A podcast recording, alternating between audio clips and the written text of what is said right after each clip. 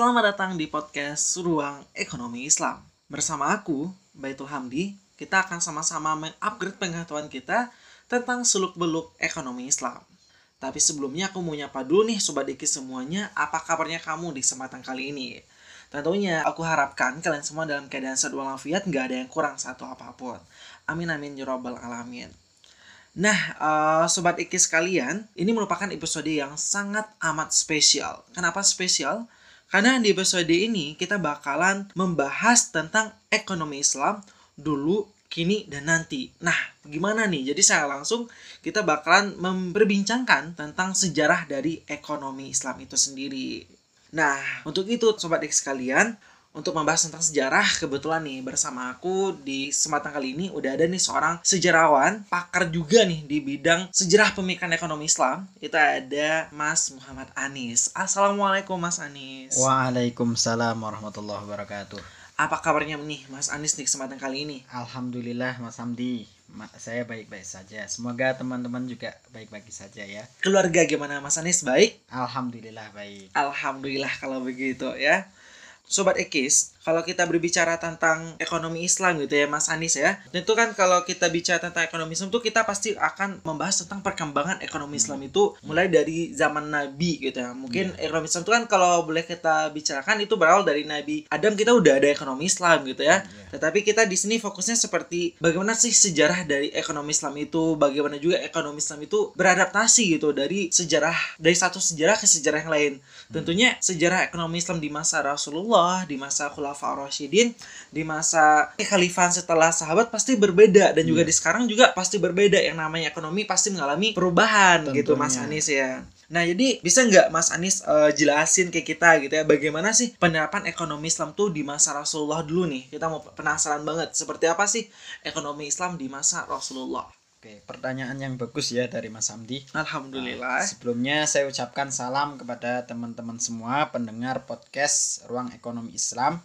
Untuk menjawab pertanyaan dari Mas Hamdi, tentu saya akan membahas sedikit tentang uh, periode sejarah dalam kehidupan Rasulullah. Biasanya kalau kita membahas tentang itu, maka kita membahas tentang dua periode. Periode pertama periode Mekah, yang kedua periode Madinah. Mm -hmm di mana pada periode Mekah uh, saat sebelum Rasul menjadi diutus menjadi Rasul Rasul sendiri adalah merupakan seorang pedagang yang men, yang perjualbelikan dagangan dari Khadijah. Oh, benar Khadijah, hmm. iya yang kemudian saat Rasul telah diutus menjadi seorang Rasul, telah menjadi seorang Nabi, maka fokus beliau pada saat itu ialah untuk memperbaiki atau menyampaikan risalah kenabian kait dengan tauhid ya atau teologi dasar dari teologi bagi umat Islam. Maka pada fase ini mungkin tentang praktek-praktek penerapan ekonominya masih seperti pada periode sebelumnya. Nah, baru ketika Islam telah berkembang, pasca Rasul hijrah di ke Madinah, Islam berkembang, maka pada saat itu Rasul menerapkan nilai-nilai ekonomi Islam nah, tentang mana yang boleh, mana yang tidak boleh, mana yang halal, mana yang haram, mana yang maslahat, mana yang mafsadat dan sejenisnya seperti itu. Eh, kemudian pada masa Madinah ini Rasul tentu menerapkan dasar-dasar sistem keuangan. Misalnya dengan prinsip persaudaraan di mana Rasul mempersaudarakan antara muhajirin dan sahabat Ansor, kemudian dengan persamaan, kebebasan dan keadilan seperti itu. Kemudian pada masa itu karena Rasul masih hidup, masih ada wahyu, maka pada masa itu pula Rasul menjelaskan tentang mana yang halal, mana yang haram, mana yang boleh, mana yang tidak boleh, mana yang baik, mana yang buruk, dan mana yang maslahat untuk umat, mana yang merugikan. Seperti itu, Mas. Oke, uh, makasih ya Mas Andesya dan terakhir ya tentang yang namanya sejarah juga ya kan hmm. kalau tadi kan kita bicara tentang ada masa Madinah, ada masa hmm. Makkah gitu ya. Hmm. Kalau di masa Madinah sendiri kan kita juga pernah sama-sama mengetahui gitu ya.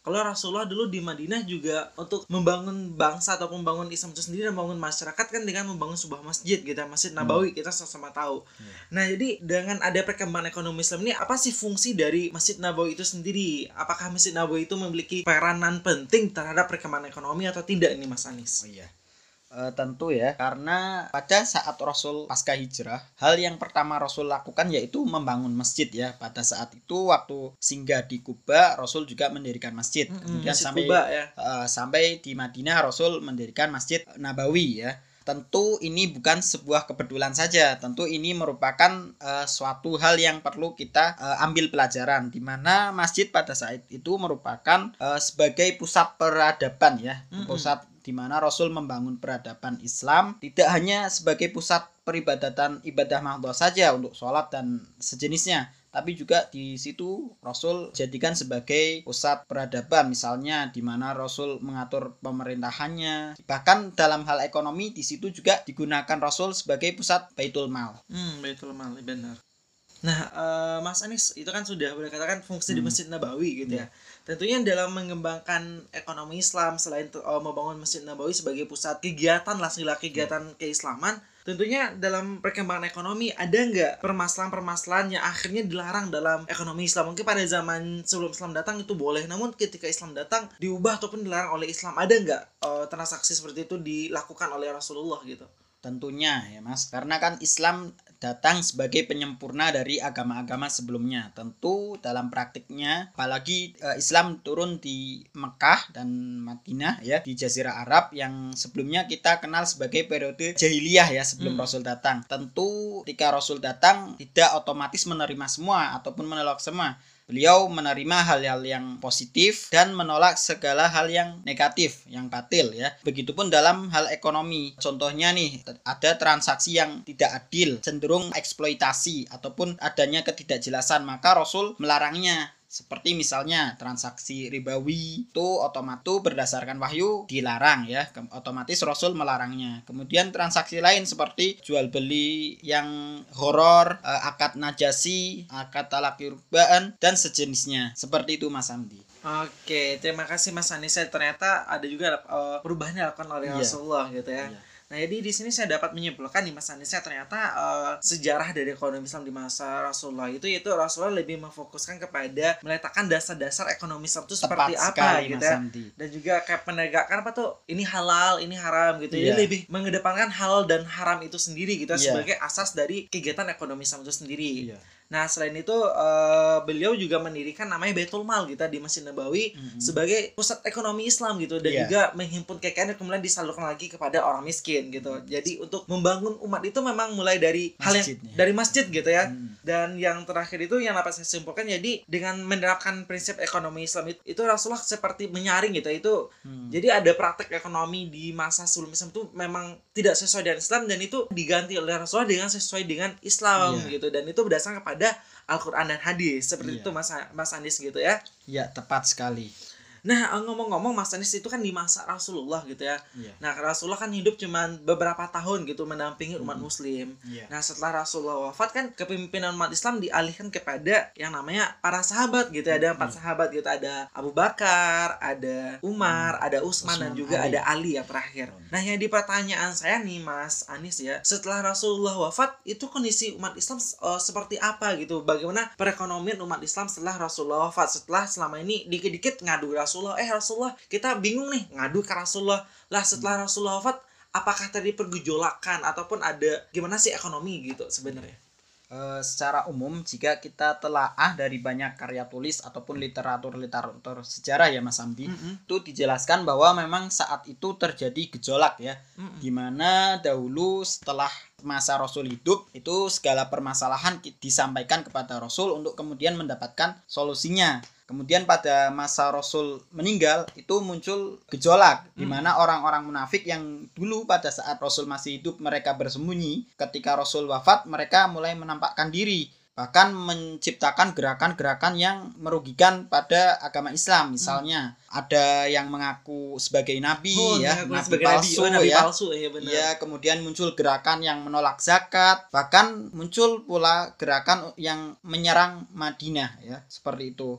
Tentu itu bukan permasalahan yang sederhana ya, sehingga Hmm, oleh penerusnya waktu itu sahabat Abu Bakar hal itu langsung diselesaikan. Kemudian terkait dengan hal ekonomi pada saat itu mungkin tidak banyak dibahas secara rinci ya karena fokusnya kembali pada uh, menyelesaikan palsu pa- gitu ya. uh, menyelesaikan permasalahan yang ada. Namun secara umum pada masa itu sudah terbentuk struktur perekonomian yang mendasar seperti Baitul Mal ya sebagai instrumen pengelolaan, penerimaan dan pengeluaran negara. Kemudian terkait dengan golongan yang membangkang zakat, maka pada masa itu jelas otomatis pendapatan negara menurun. Maka hal itu ditindak secara langsung oleh penerusnya yaitu Abu Bakar gitu Abu ya. Bakar As-Siddiq. Ya, tepat sekali Mas Samdi. Oke, jadi setelah Rasulullah wafat memang jadi apa ya, gonjang ganjing kepemimpinan gitu ya. Iya. Orang yang selama ini yang ngaku-ngaku Islam tapi kena kepaksa akhirnya mereka menunjukkan ini gua gitu, mereka menunjukkan eksistensi mereka gitu Iya, ya. tepat Nah,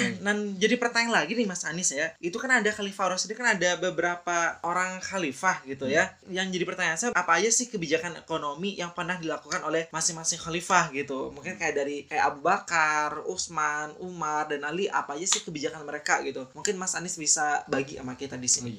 Ini pertama ya Mas, kita Ah. urut dulu dari Khalifah Abu Bakar As-Siddiq Ah, radhiyallahu an.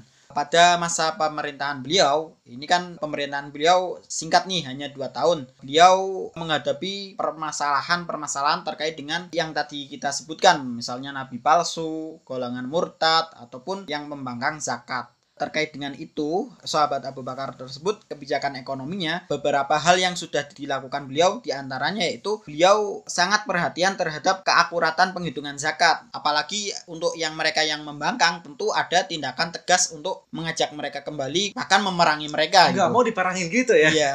Nah, kemudian selain itu beliau juga melakukan pengembangan dan pembangunan pada Baitul Mal dengan penanggung jawab Baitul Mal. Kemudian hal berikutnya yaitu beliau sangat paham dengan konsep balance budget pada Baitul Mal di mana seluruh eh, pendapatan langsung didistribusikan tanpa adanya cadangan pada Baitul Mal. Bahkan saat beliau wafat hanya satu dirham yang tersisa pada per- perbendaharaan negara Hmm. seperti itu. Selain itu, sebelum jadi khalifah, beliau kan seorang praktisi ya, praktisi dagang. Beliau punya harta dari dagangan yang sangat besar, sehingga beliau sangat menguasai akad-akad tentang ekonomi Islam. Itu Hmm, memang praktisi ya. Jadi beliau selain orang yang paham punya ilmu tapi juga pelaku dari ekonomi itu sendiri Iya. gitu ya.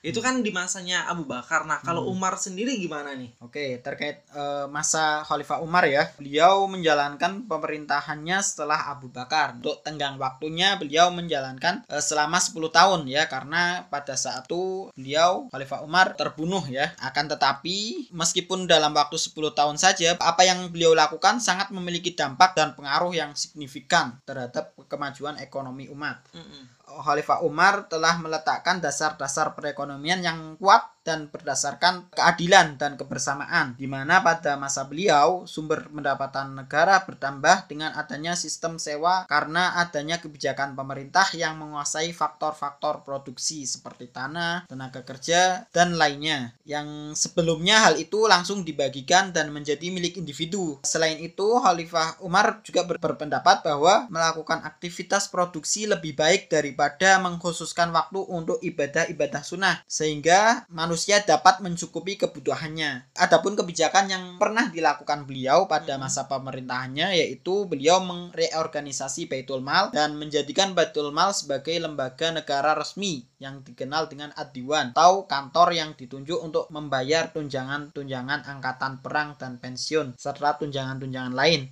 Kemudian beliau juga memberlakukan sistem cadangan darurat. Jika sebelumnya pada masa Abu, Abu Bakar, ah. Baitul Mal itu begitu ada penerimaan maka langsung dikeluarkan. Maka pada masa Umar ini beliau menerapkan sistem cadangan di mana penerimaan negara tidak langsung didistribusikan seluruhnya. Eh, Hal ini tujuannya untuk membiayai angkatan perang dan kebutuhan darurat untuk umat. Jadi ada dana darurat. Selain itu, pemerintahan beliau juga bertanggung jawab penuh terhadap kebutuhan makan, minum, dan pakaian warga negaranya. Lebih lanjut, beliau juga melakukan diverifikasi terhadap objek zakat atau dalam bahasa fiskal saat ini biasa dikenal dengan eksentifikasi sumber-sumber penerimaan negara sehingga lebih jelas ya. Selain itu, beliau juga melakukan pengembangan usaha pada pertanian ya, pajak pada pertanian.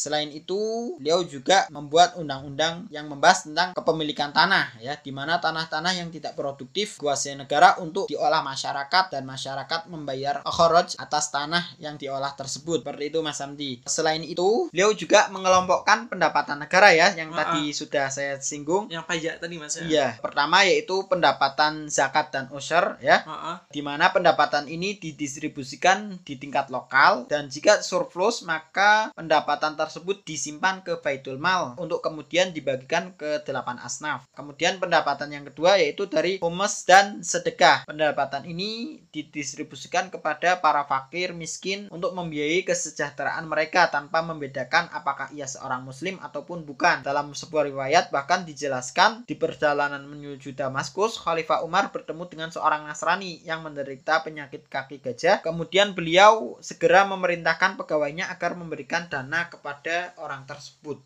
Eh, pendapatan ketiga yaitu dari Kharaj, Fai, eh, Jizyah, dan pajak perdagangan atau sewa tanah. Dalam kelompok ini, pendapatan ini digunakan untuk membayar dana pensiun, dana bantuan, serta untuk menutupi biaya operasional administrasi, kebutuhan militer, dan sebagainya. Sedangkan yang keempat yaitu pendapatan dari lain-lain, yaitu pendapatan yang digunakan untuk membayar para pekerja, pemeliharaan anak-anak terlantar, dan dana sosial lainnya. Seperti itu Mas Amdi. Jadi beliau sangat lengkap sekali, detail sekali terkait dengan perkembangan ekonomi umat. Seperti itu. Oke, jadi memang ini memang sosok luar biasa ya, 10 tahun Iya. masa kepemimpinannya.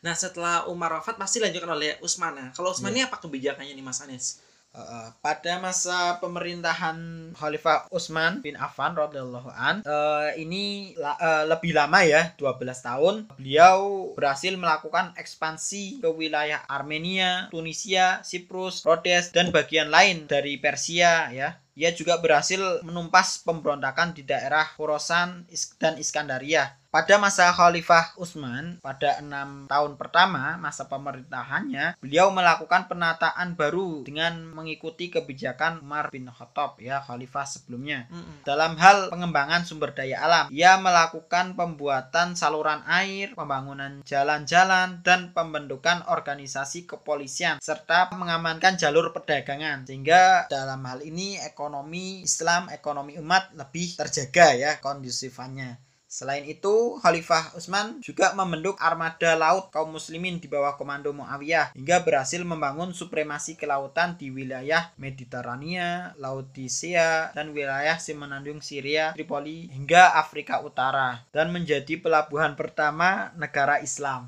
Waduh, luar biasa Luar ya ternyata biasa Mas. ya. Eh, selanjutnya pada Khalifah Utsman dalam pengelolaan zakat beliau mendelegasikan keuangan menaksir harta yang dizakati pada pemiliknya masing-masing sehingga tim penghitungnya yang menaksir harta untuk berapa sih yang wajib zakat gitu seperti itu. Eh, kemudian selain itu Khalifah Utsman juga berpendapat bahwa zakat dikenakan terhadap harta milik seseorang setelah dipotong seluruh utangnya. Eh, jadi menurut beliau eh, yang wajib dizakati yaitu setelah hutang itu diselesaikan ya Mas. Oh, jadi ibarat- zakat itu dibayar kalau utangnya udah lunas gitu ya. atau dihitungkan dulu. Berarti hutang itu mengurangi harta yang pengurangan harta Pengeluaran yang harta wajib dizakati dizakati itu. gitu. Ah. Selain itu juga beliau menaikkan dana pensiun sebesar 100 dirham, memberi rangsum tambahan eh, berupa pakaian serta memperkenalkan tradisi mendistribusikan makanan di masjid untuk fakir miskin dan musafir. Pemerintahan beliau berhasil meningkatkan jumlah pemasukan Horoj dan Jizyah dari Mesir dari yang tadinya 2 juta dinar menjadi 4 juta dinar sehingga memperoleh pendapatan sebesar 50 juta dirham atau naik 41 juta dirham dibandingkan masa Khalifah Umar. Gimana kalau di eh, zaman kepemimpinan dari Ali bin Abi Thalib sendiri ya? Gimana sih kebijakan ekonomi yang beliau lakukan gitu? Khalifah Ali bin Abi Thalib masa setelah Khalifah Utsman beliau menjabat selama enam tahun dan diwarnai ketidakstabilan politik ya karena pada saat itu Khalifah Utsman meninggal terbunuh yang kemudian menciptakan golongan-golongan pro kontra terhadap Mm-mm. penyelesaian tersebut. Namun pada masa yang singkat tersebut Khalifah Ali bin Abi Thalib eh, tetap berusaha untuk melaksanakan berbagai kebijakan yang dapat mendorong peningkatan kesejahteraan umat Islam. di mana pada masa itu prinsip utama dari pemerataan distribusi uang kepada rakyat telah diperkenalkan. Sistem distribusi setiap pekan sekali untuk pertama kalinya diadopsi. Hari Kamis eh, adalah hari pendistribusian Cara ini mungkin solusi yang terbaik dari sudut pandang hukum dan kondisi negara yang sedang berada dalam masa transisi. Khalifah Ali memiliki konsep yang jelas tentang pemerintahan, administrasi, dan masalah-masalah yang berkaitan dengannya. Konsep ini dijelaskan dalam suratnya yang terkenal kepada Malik Aster bin Haris, di mana di situ dijelaskan, dideskripsikan tugas, kewajiban, serta tanggung jawab para penguasa dalam mengatur berbagai prioritas pelaksanaan dispensasi keadilan dan pengawasan terhadap para pejabat tinggi dan staf-stafnya, serta menjelaskan kelebihan dan kekurangan para jaksa, hakim, dan abdi hukum lainnya terkait dengan ekonomi dalam masa pemerintahan beliau memiliki kebijakan moneter. Di antaranya beliau meneruskan apa yang telah dilakukan Rasulullah dan Khalifah sebelum beliau. Sekaligus beliau juga mulai mencetak mata uang sendiri ya hmm. pada masa itu. Terobosan beliau di bidang moneter yang sangat monumental adalah mencetak mata uang dinar yang mempunyai ciri khusus tidak meniru dinar dari Romawi. Seperti itu Mas Hamdi. Uh -uh itu kan uh, di masa kepemimpinan dari uh, Khalifah Ali bin Abi Thalib sendiri gitu Mas Anis ya. Nah jadi yang jadi pertanyaan lagi di saya nih, ada nggak permasalahan ekonomi yang muncul pada saat kepemimpinan para khalifah itu sendiri mas? Nah kalau misalkan ada, gimana sih para khalifah itu menanggapi ataupun mengatasi permasalahan itu sendiri gitu? tentu untuk permasalahan eh, masing-masing khalifah menghadapi permasalahannya masing-masing ya mas sesuai hmm, dengan bener. kondisinya misalnya seperti khalifah Abu Bakar yang karena masa transisi tentu menghadapi golongan-golongan yang membalik ya yang membangkang beliau Mem gitu. membangkang ya kemudian khalifah lain tentu punya problem sendiri namun biar lebih jelas misalnya nih pada masa Abu Bakar permasalahan yang beliau hadapi yaitu permasalahan zakat ya dari golongan yang membangkang dalam hal ini beliau bertindak tegas bahkan tidak ragu untuk melakukan perang terhadap mereka yang membangkang. Hal ini dilakukan mengingat zakat amatlah vital baik dari sisi keimanan, keagamaan maupun dari sisi pengelolaan penerimaan pemerintah saat itu.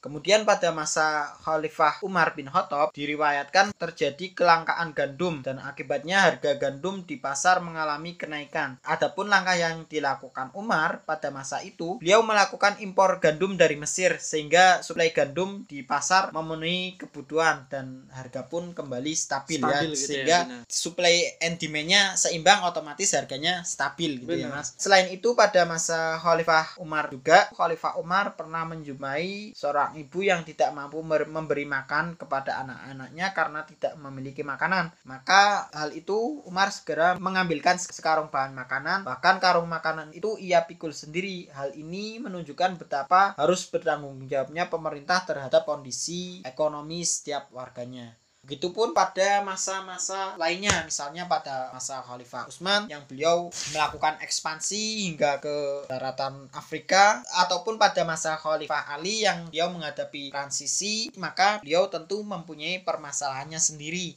Nah, adapun sikap yang beliau melakukannya dengan hati-hati dengan kembali pada ajaran Islam itu sendiri. Nah, Mas Andis itu kan boleh katakan kita udah menelaah ya, atau kita sudah mendiskusikan tentang sejarah ekonomi Islam di masa Rasulullah, yeah. kemudian di Khalifah, di masa Khalifah Rashidin gitu ya. Yeah. Nah, selanjutnya kan uh, ada juga masa uh, setelah Khalifah Rashidin gitu ya, kayak ada zaman dinasti Umayyah, Abbasiyah gitu, dan juga terakhir kayak Turki Ottoman gitu ya. Nah, uh, tentunya pada zaman-zaman tersebut sistem pemerintahan juga berbeda-beda gitu ya, dengan sistem yang awalnya kita kayak demokrasi gitu, terus hmm. berganti dengan corak kerajaan gitu yang turun temurun turun gitu ya Nah, hmm. meski disebut juga kekhalifan sebenarnya pada nyata itu adalah dinasti gitu. Nah, jadi bisa nggak sedikit ya Mas Anies memberikan gambaran gitu bagaimana perkembangan ekonomi Islam di masing-masing uh, fase kekhalifan tersebut seperti di masa dinasti Bani Umayyah yang berkuasa semenjak tahun 661 sampai 750 Masehi, kemudian dilanjutkan oleh Abbasiyah sampai 1258 Masehi dan terakhir uh, dinasti Ottoman gitu yang berakhir pada 1924 Masehi. Hmm. Nah, mungkin Mas Anies bisa sedikit memberikan bocoran gitu gimana perkembangan perkembangan ekonomi di masa itu. Wah, terkait dengan ini tentu akan sangat panjang jika kita jelaskan satu persatu uh, semua uh, khalifah atau raja yang berkuasa dari dinastinya masing-masing ya Mas. Iya, Maka mas secara umum saja saya jelaskan sedikit ya. Mungkin nanti untuk versi lengkapnya teman-teman bisa mencari dari berbagai sumber sehingga lebih lengkap ya.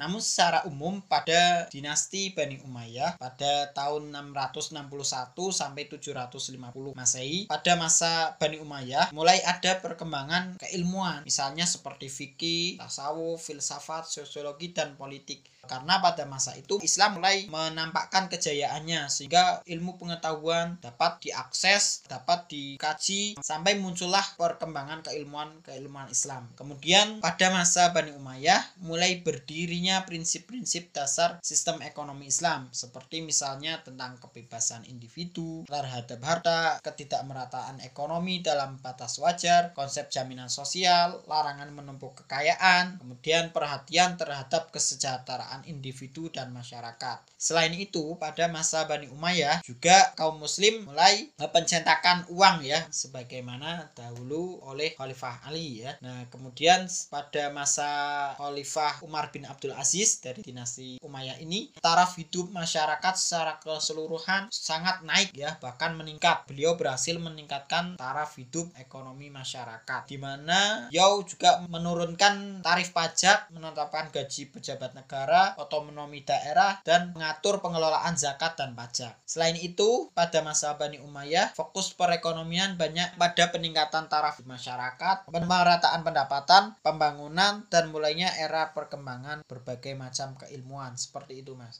Nah, uh, itu kan di masa uh, Khalifah Bani Umayyah gitu. Nah, kalau di masa Bani Abbasiyah sendiri bagaimana perkembangan ekonomi Islamnya?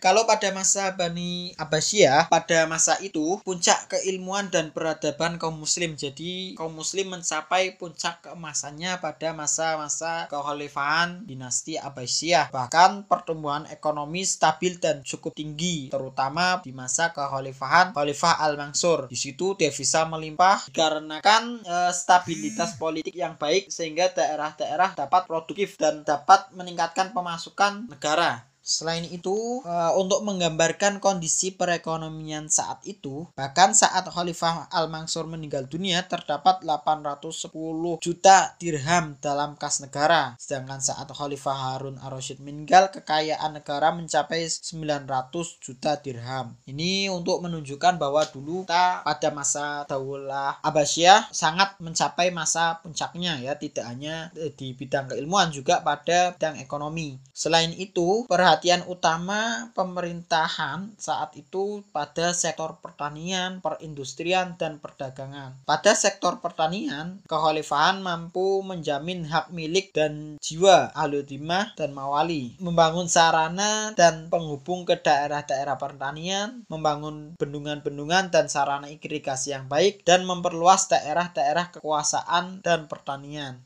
Dalam hal industri, pembangunan kawasan-kawasan industri di hampir seluruh wilayah mencakup berbagai sektor seperti pertambangan, kerajinan tangan, keramik, manufaktur, hingga industri untuk barang-barang mewah. Dalam hal perdagangan, pada masa dinasti Abbasiyah ini pembangunan sarana-sarana penunjang perdagangan seperti pelabuhan, perluasan wilayah, hingga ke daerah India, Malaka, Mesir, dan lain-lain, eh, serta pembentukan badan khusus untuk mengawasi pasar, mengatur ukuran timbangan, dan menciptakan kekondusifan dalam berdagang sangat diperhatikan. Nah, eh, lalu bagaimana nih perkembangan ekonomi Islam pada masa kekhalifahan Turki Utsmani ataupun Ottoman gitu Mas Anis?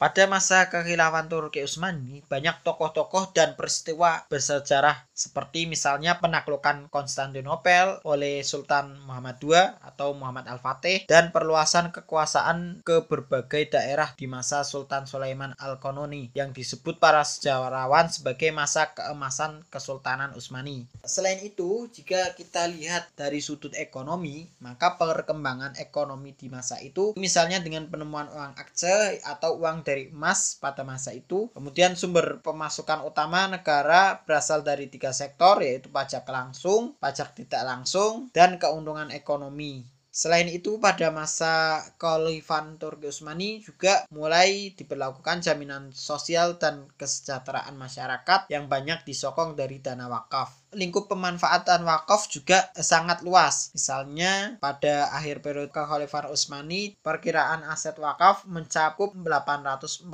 rumah, 258 toko kecil, 33 toko besar, 82 gudang, 3 pemandian, 11 toko roti, 4 kafe, 1 pondok atau hotel, ya, 57 taman dengan pohon buah-buahan, 62 peternakan, 6 kincir angin dan 201 tanah yang disewakan karena aset wakaf asli telah hancur. Seperti itu Mas Samdi. Nah, uh, oke, okay. uh, eh, terima kasih Mas Anis ya yang sudah panjang lebar menjelaskan tentang bagaimana sejarah perkembangan ekonomi Islam dari zaman Rasulullah, Khalifah Rasulullah dan juga terakhir pada masa kekhalifahan pasca Khalifah Rasyidin. Nah, jadi di sini uh, dapat kita simpulkan gitu ya. Jadi dari sejarah itu dapat dilihat bahwa praktek ekonomi Islam senantiasa itu terus berkembang sesuai dengan zaman di mana ekonomi Islam itu diterapkan. Dan juga penerapan ekonomi Islam itu sangat fleksibel dan dapat digunakan di berbagai sektor mulai dari mikro hingga lingkup makro seperti pijakan fiskal dan moneter negara. Dan enggaknya itu kegemilangan kekhalifahan Islam tentu perlu ditunjang oleh sistem ekonomi yang baik dan telah terbukti dalam sejarah bahwa sistem ekonomi yang digunakan adalah adalah sistem ekonomi Islam. Nah, dengan mengetahui sejarah perekonomian dan peradaban Islam seperti ini, harusnya menumbuhkan keyakinan kepada kita, ya, kepada seluruh umat muslim, khususnya para pejuang-pejuang ekonomi Islam, bahwa sistem ekonomi Islam memang sistem yang tepat untuk kembali membawa kegemilangan kepada umat muslim itu sendiri. Dan gak hanya itu teman-teman ataupun sobat dikis sekalian uh, ini merupakan pembahasan pertama ya. Kita masih ada kelanjutan keduanya tentang ekonomi Islam kini dan nanti gitu ya. Dan akan kita lanjutkan di episode kelima tentunya dengan narasumber yang sama yaitu dengan Mas Muhammad Anis dan hanya itu Sobat Dekis, ini bukan untuk pertamanya kita bakal membahas tentang sejarah ekonomi Islam. Kita akan lanjut lagi di next episode dengan narasumber yang sama tetapi dengan pembahasan yang lebih menarik. Seperti itu. Dan terima kasih Mas Anies sudah meluangkan waktunya. Ya, sama-sama Mas Amdi. Sampai jumpa minggu depan ya. Uh, jangan lupa teman-teman tetap stay safe, tetap jaga kesehatan, patuhi protokol kesehatan. Dan saya ucapkan terima kasih atas waktunya. Sobat Dekis, demikianlah podcast Ruang Ekonomi Islam episode keempat. Saya salah kata dalam penyampaian tadi saya selaku pembawa acara mohon maaf dan terus dengarkan podcast Ekonomi Islam karena kalau bukan kita lagi siapa lagi akan membumikan ekonomi Islam ini. Salam bisik pukis, bincang asik seputar ekonomi Islam. Wabillahi taufiq wal hidayah. Wassalamualaikum warahmatullahi wabarakatuh.